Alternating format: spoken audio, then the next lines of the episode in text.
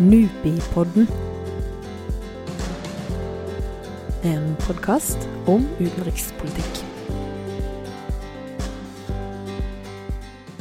I disse dager så gjennomføres det en folkeavstemning i Russland om en rekke grunnlovsendringer.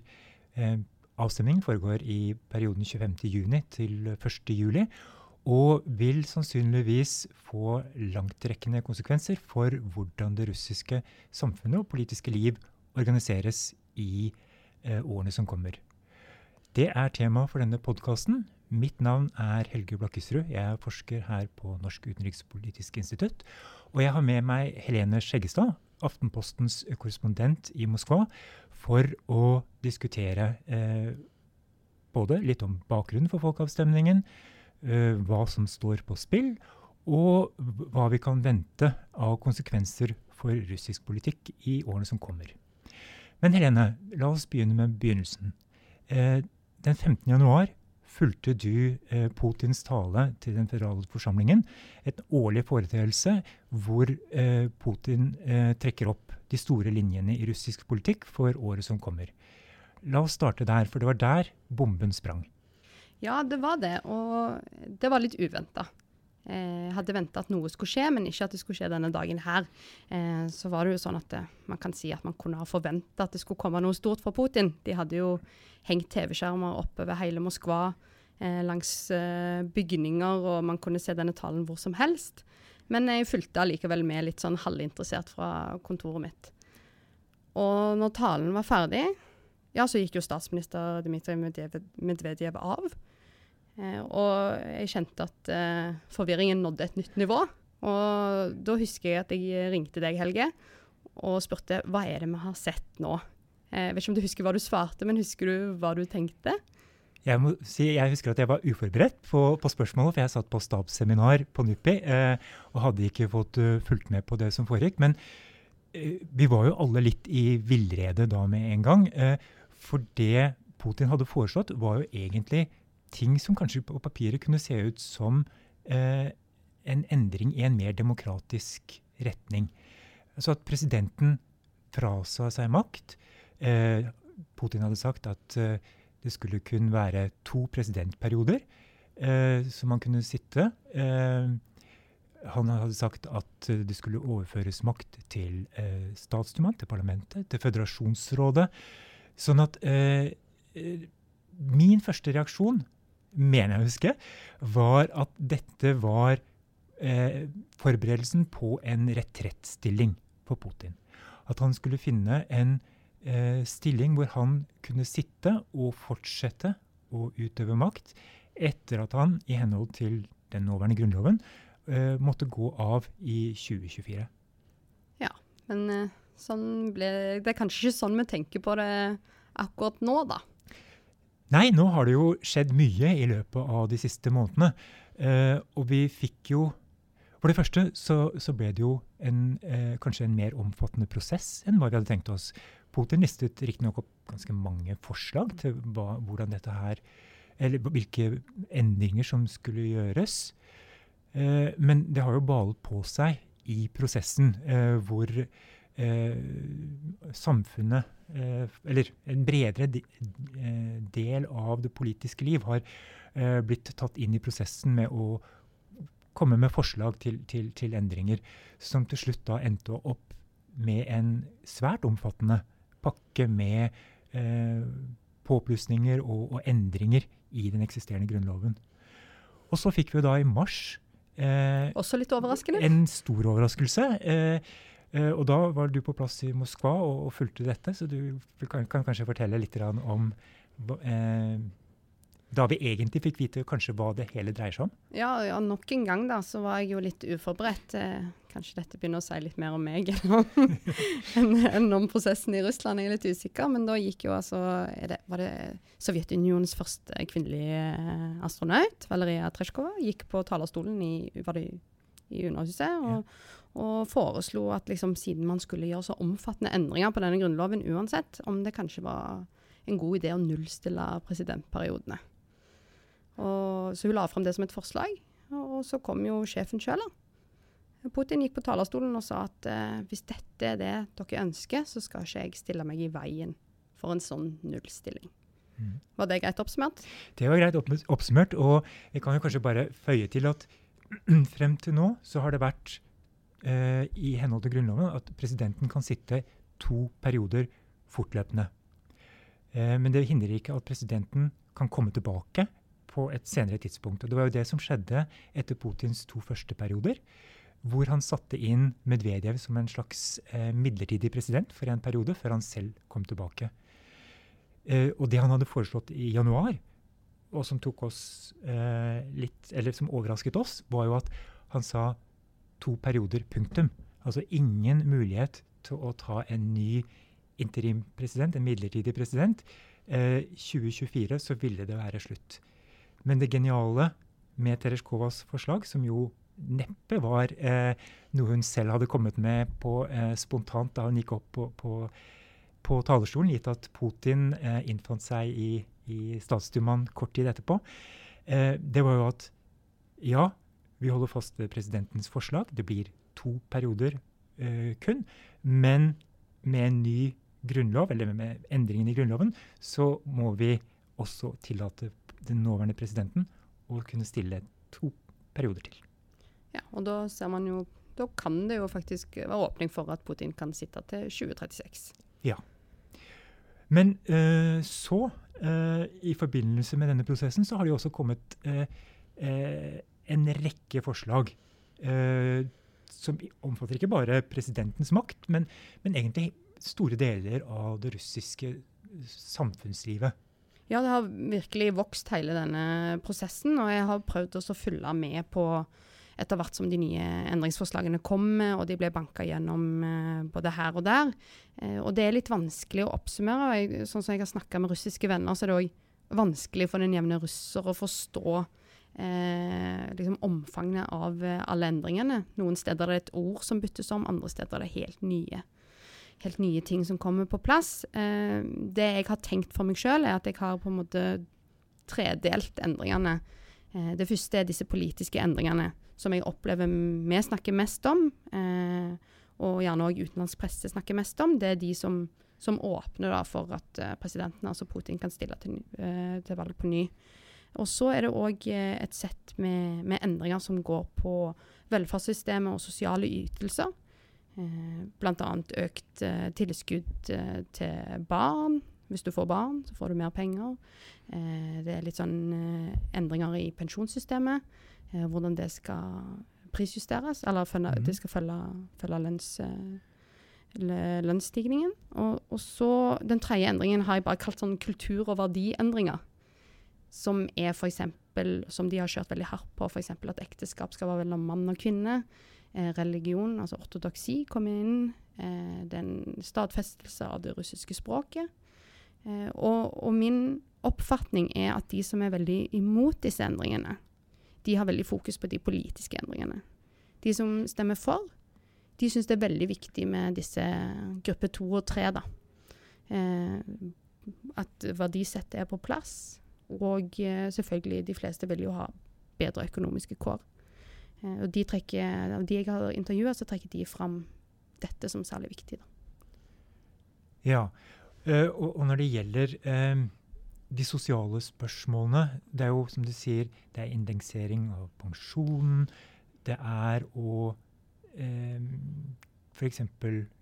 knytte minstelønn med, med Eh, eh, eksistensgrunnlaget. sånn at ingen, ja, skal, ha en, viktig, ja. ingen skal ha en minimumslønn som gjør at du lever på en inntekt under det som er definert som eksistensgrunnlaget. Har du, har, du, sett noen meningsmålinger eller surveyer som, som, sier noe om som, som, bygger opp under det du sier liksom, om denne tredelingen, og om, om, hva folk er opptatt av? Er det, er det disse tingene som, som folk flest da vil eh, eh, som har effekt på deres lommebok, eller er det, er det mer verdier eh, som, som, folk trekker frem? Jeg har vel sett at Levada har uh, kjørt en del spørreundersøkelser på hvordan folk kommer til å stemme. Mm. om hvem som å stemme for, og hvem som stemmer mot. og sånt. Jeg har ikke sett det knytta opp til en sånn, sånn tredeling som jeg har, har laga for meg sjøl, men det har jo vært tydelig at entusiasmen har ikke vært voldsom for denne folkeavstemningen. Mm. Eh, sånn som de Levada-undersøkelsene. så jeg skal, usikker jeg skal ikke bruke konkrete tall i tilfelle jeg, eh, jeg snakker feil, men, men at det har vært en viss grad av usikkerhet, det var helt åpenbart. Og det ser man veldig godt på når man ser hvordan dette dekkes i statlige medier kontra litt mindre aviser som, som som er mer uavhengige. da. Og da ser man jo at de store russiske statlige mediene har kjørt veldig hardt på disse eh, sosiale ytelsene og, og patriotisme og kultur. Eh, man har jo òg Det har gått en ganske sånn kontroversiell reklame og, og, som går på eh, at en, et, et homofilt ektepar får lov til å adoptere en gutt, og at eh, det som skal være hans nye mor, gir han en pen kjole. Og eh, i det hele tatt har de spilt veldig på det på det man kanskje husker veldig godt fra noen år tilbake. da, At det liksom Vestens dekadente holdning til, til verdisett og til familien eh, nå står på spill, Mm. og at de derfor må stemme i, i denne folkeavstemningen. Ja. Og overalt på dører i Moskva så henger det liksom Stem for familien. Stem for fremtiden. Stem ja. Ja, så en, en, eh, et fokus på de tradisjonelle verdiene som man tror vil appellere til russiske kjernevelgerne. Ja, og dette er jo en gammel oppskrift, er det ikke det? Absolutt. Og, og, eh, men jeg tror det er viktig det du sier om, om deltakelsen. At, at det er viktig eh, Fordi dette er jo, kan man kanskje si, eh, en, først og fremst da, selv om det er et fokus på de sosiale aspektene av det, og de konservative, tradisjonelle verdiene, så er det jo en politisk avstemning. En avstemning om eh, Putins eh, fremtid, muligheter for å eh, sitte videre, og dermed også en, en legitimering av Putins politikk. Og han har jo hatt mye å stri med eh, i, i vår. Eh, pandemien har rammet Russland hardt.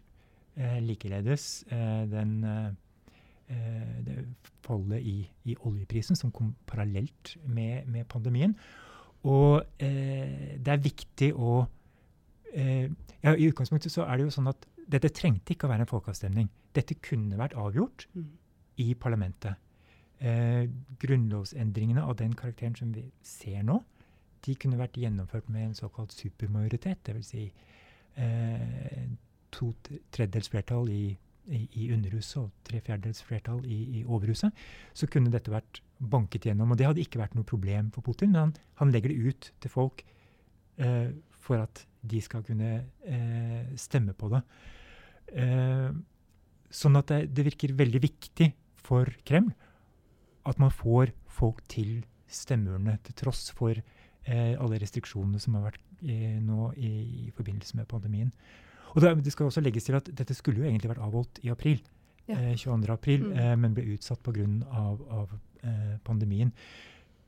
Men, men hvordan oppleves dette i Moskva? Du har sagt litt om det allerede, men, men eh, hvordan er eh, Hva er Kremls eh, og, og de lokale myndighetenes eh, taktikk for å få folk til å bruke stemmeretten? Ja, dette, det har vært et voldsomt, voldsomt kjør på at folk må gå og stemme. Eh, alt bare fra reklamer, eh, reklameplakater over hele byen, store bannere, alt dette her. Eh, men i tillegg så det, har jo lokale steder vært veldig kreative, da. Noen har laga et lotteri. Du kan, hvis du stemmer, så er du med i trekning av en ny leilighet, eller en ny bil, eller en ny telefon. Eh, og i Moskva så har de et slags sånn eh, kupongsystem. At hvis du leverer din digitale stemme, så får du en kode, og den kan omsettes i poeng, som du da igjen kan bruke liksom, på byen, byens restauranter eller museer, eller hva det nå enn skal være. Eh, I tillegg så er det jo sånn at folk ringer hjem til folk og oppfordrer dem til å stemme. Folk kommer hjem, du kan avgi stemme der. De, sånn som du sa innledningsvis, dette er ikke bare én dag, den er spredt over flere dager, sånn at folk skal føle det trygt å gå til stemmelokalene eh, under en pandemi. Eh, I tillegg så hadde du jo en voldsom feiring av eh, frigjøringsdagen eh, forrige uke, eller altså en, en uke før avstemningen, eh, for å liksom mobilisere virkelig opp om, om Russland, da, som idé.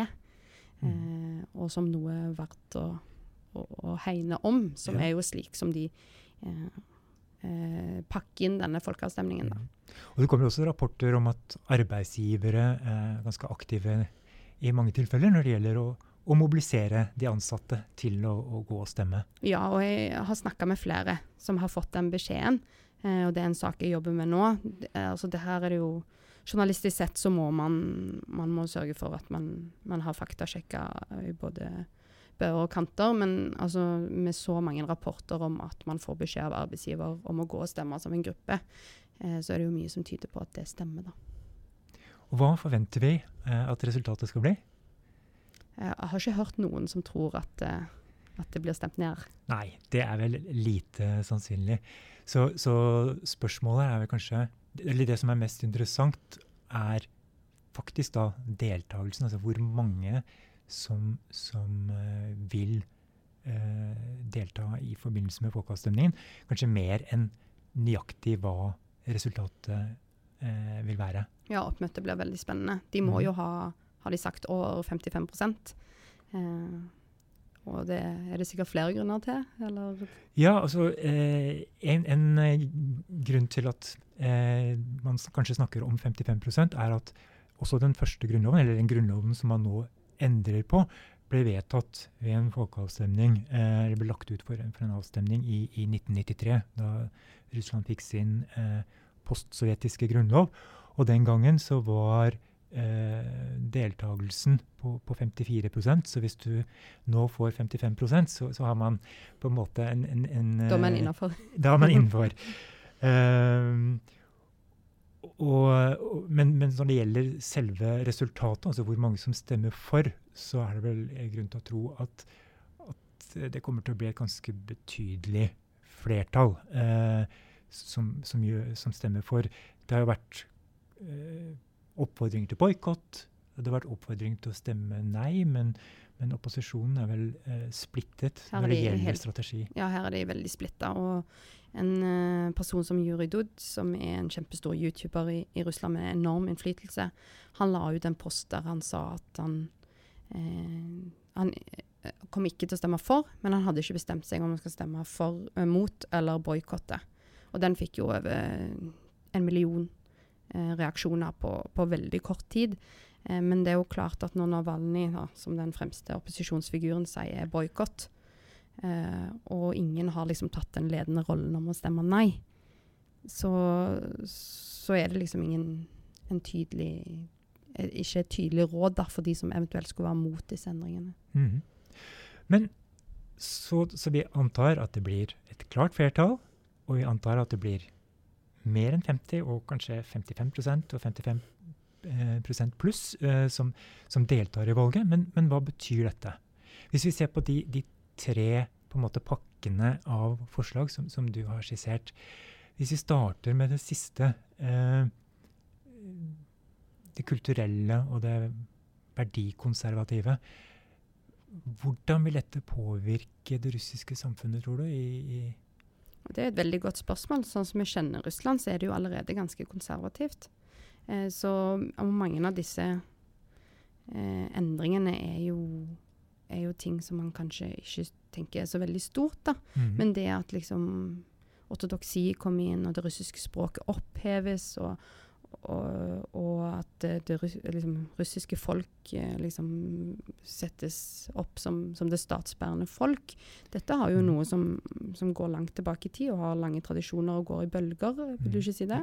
Jo, eh, når det gjelder det russiske språk, så er det jo klart at i, i praksis så har det hatt den rollen allerede. Altså det, det er jo det felles kommunikasjonsspråket på tvers av etniske grupper i, i Russland.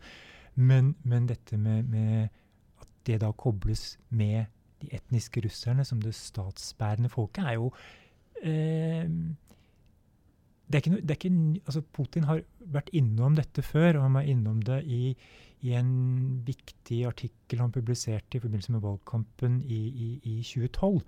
Men senere så har han på en måte eh, tonet det ned til fordel for at eh, en, en, retorikk om at Russland er multinasjonalt og multikonfesjonelt.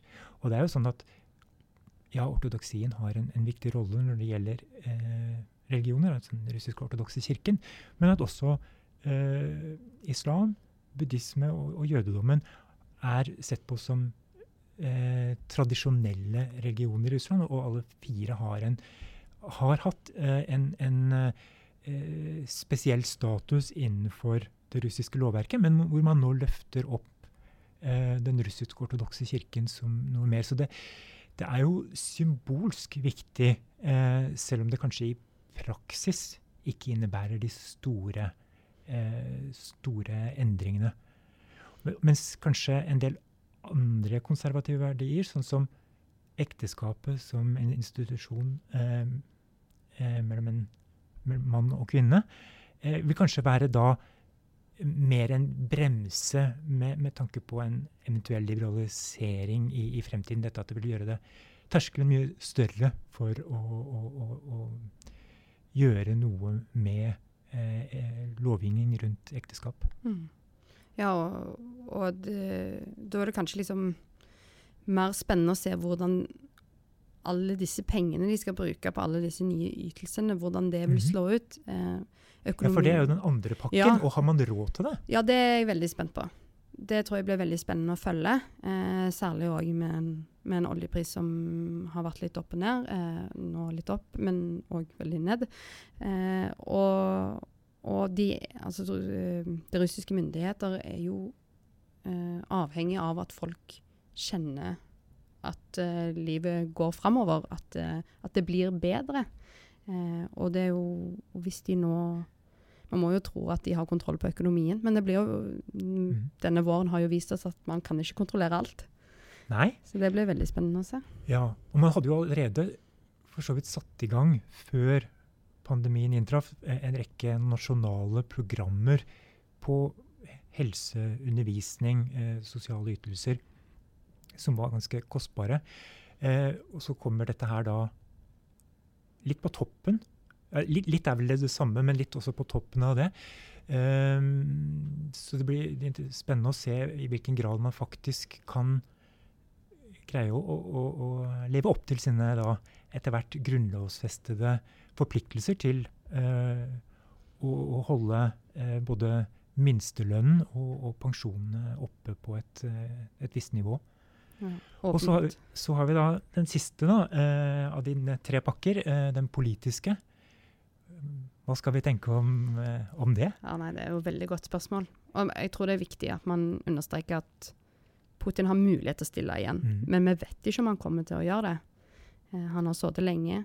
Mm. Eh, det har vært uh, harde tider. Kanskje ønsker han bare ro i rekkene. Eh, mm. Hva var det han hadde sagt? At han ønska at de skulle ja. slutte å rivalisere og begynne å gjøre jobben sin? I, i, I, innspurten nå til folkeavstemningen så gikk han ganske klart ut og sa det mange har tenkt, nemlig at, at uh, han oppfordret uh, eliten til å stoppe å lete etter kandidater og, og fokusere på å få, få jobben gjort. Uh, og det er vel egentlig dette som, som, ligger mye under hele den øvelsen vi ser nå, med en folkeavstemning.